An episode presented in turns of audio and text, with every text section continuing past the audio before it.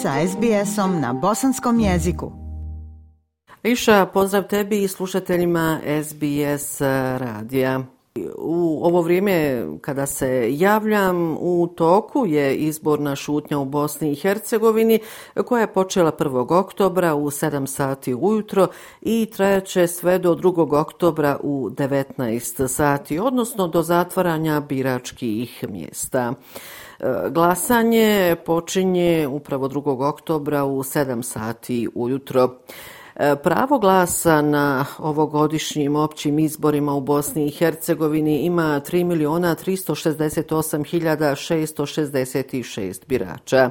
A iša, evo poslije četiri godine građani e, Bosne i Hercegovine ponovo izlaze na birališta, dakle na opće izbore. Iz Centralne izborne komisije Bosne i Hercegovine saopćili su da će se na izbornim listićima naći 127 političkih subjekata, 72 političke stranke, 38 koalicija i 17 nezavisnih kandidata. To znači ukupno 7257 kandidata je na ovogodišnjim općim izborima. Evo, podsjetit ću, birat će se članovi predsjedništva Bosne i Hercegovine iz reda bošnjačkog, zatim srpskog i hrvatskog naroda. Također bira se 57 delegata parlamentarne skupštine Bosne i Hercegovine. Kada je riječ o entitetskom nivou u Federaciji Bosne i Hercegovine biraju se članovi federalnog parlamenta koji ima 156 delegata i poslanika. U zavisnosti od toga gdje žive građani, glasaju i za članove Skupštine jednog od deset kantona. Republika Srpska bira e, predsjednika i podpredsjednike Republike Srpske kao i Narodnu skupštinu Republike Srpske koja ima 83 poslanika. 29. septembra Centralna izborna komisija Bosne i Hercegovine održala je svoju posljednju preskonferenciju u oči e, početka izborne šutnje. Na ovoj preskonferenciji govorio je, pored ostalih, predsjednik Centralne izborne komisije Bosne i Hercegovine Suodar Nautović, koji je pozvao birače da izađu na izbore. E, novinu na općim izborima za birače, kako ista istakao, predstavlja sigurnosti štambilj kojim se utvrđuje autentičnost i sigurnosna ispravnost glasačkog listića. Poslušajte predsjednika Centralne izborne komisije Suadar Nautovića. Na terenu ne postoji niti jedan značajniji problem koji bi mogao utjecati na izborni proces u Bosni i Hercegovini u nedelju 2. oktobra ove godine. Kao izazov sa kojim se susreće ili se mogu susreti općinske i gradske izborne komisije jeste obaveza policijskih organa na lokalnom nivou da osiguravaju izborni materijal na biračkim mjestima na noći subota 1.10. na nedelju 2.10. Štambilj će se otiskivati na prednjoj strani glasačkog listića, u donjem lijevom uglu. Sa desne strane potpisuje se ovlašteno lice, listić koji ne bude sadržavao ove elemente, dakle otisak štambilja i potpis člana biračkog odbora zaduženog za izdavanje glasačkih listića neće se brojati. Na ovoj preskonferenciji predsjednik Centralne izborne komisije Suadar Nautović kazao je E, kako su u ovoj instituciji spremni za izbore i da na terenu ne postoji ni jedan značajniji problem koji bi mogao utjecati na izborni proces u Bosni i Hercegovini. Suadar Nautović, međutim, ne isključuje mogućnost hakerskog napada na Centralnu izbornu komisiju. E, evo, još jednom poslušajte Suadar Nautovića. Mi imamo posebno sigurnu mrežu koju koriste i sigurnosne agencije, komunikacija između općinskih i gradskih izbornih komisija i centralne izborne komisije apsolutno zaštićena. Van te mreže djeluje nam web stranica, ona bi mogla možda biti predmetom napada, ali zato imamo rješenje. Na općim izborima za glasanje putem pošte e, registrovana su 63.264 birača. Do 27. septembra Centralna izborna komisija Bosne i Hercegovine iz poštanskog pretinca preuzela je 33.303 koverte birača koji glasaju putem pošte. To je saopćeno iz Centralne izborne komisije.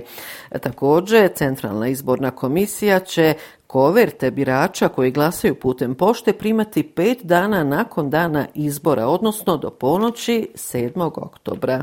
Aisha i e, koalicija pod lupom, odnosno koalicija za slobodne i poštene izbore, održala je 30. septembra pres konferenciju. Ovom prilikom e, predstavnici koalicije su e, predstavili preliminarni izvještaj dugoročnog posmatranja izbornog procesa uoči općih izbora dakle ove godine. E, kako su rekli, izvještaj se odnosi na period od 25. jula pa sve do 25. septembra ove godine, gdje su zabilježene 1202 različite izborne nepravilnosti.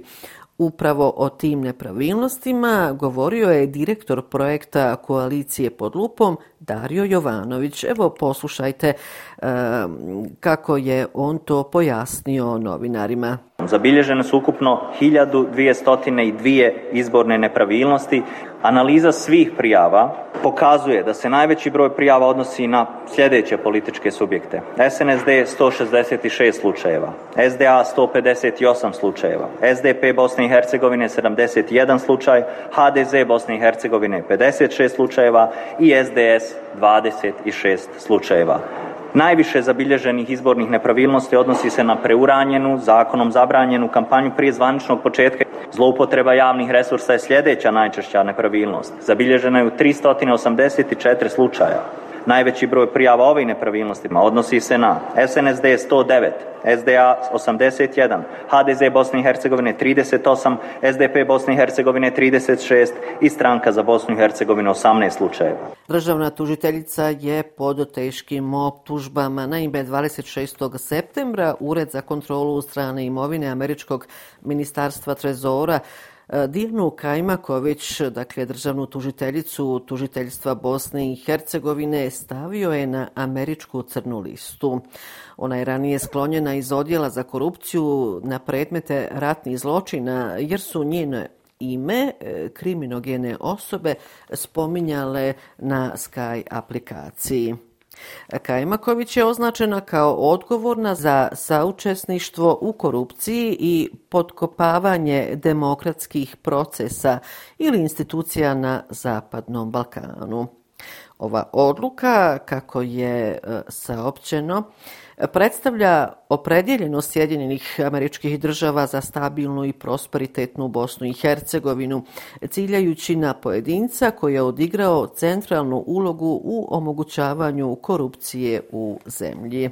Sve to zvanično piše, odnosno stoji u saopćenju iz Ureda za kontrolu strane imovine Američkog ministarstva Trezora. Inače, 29. septembra e, je održana i sjednica Visokog sudskog i tužiteljskog vijeća Bosne i Hercegovine i na toj sjednici je odlučeno da neće doći do poništenja konkursa za glavnog državnog tužitelja. E, podvijeće je odlučilo da Milenka Kajganića predloži na ovu funkciju. Inače, na sjednici se raspravljalo o tome da li se uopće treba glasati za ranije donesenu odluku podvijeća da se izbor za glavnog državnog tužitelja ponovi. Odluka o stavljanju van snage odluke o ponavljanju izbornog konkursa donesena je sa 10 glasova za, jednim protiv i dva suzdržana.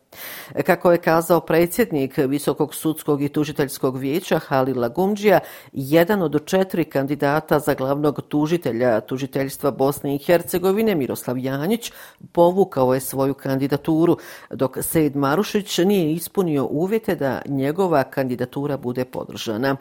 Budući da je integritet kandidatkinje Dijane Kajmaković narušen nakon što je stavljena na američku crnu listu, Eh, Lagumđija je kazao izbor je pao na samo jednog kandidata, odnosno Milanka Kajganića. O imenovanju Kajganića Visokosudsko i tužiteljsko vijeće će odlučivati na sljedećoj sjednici nakon što predstavi svoj program rada.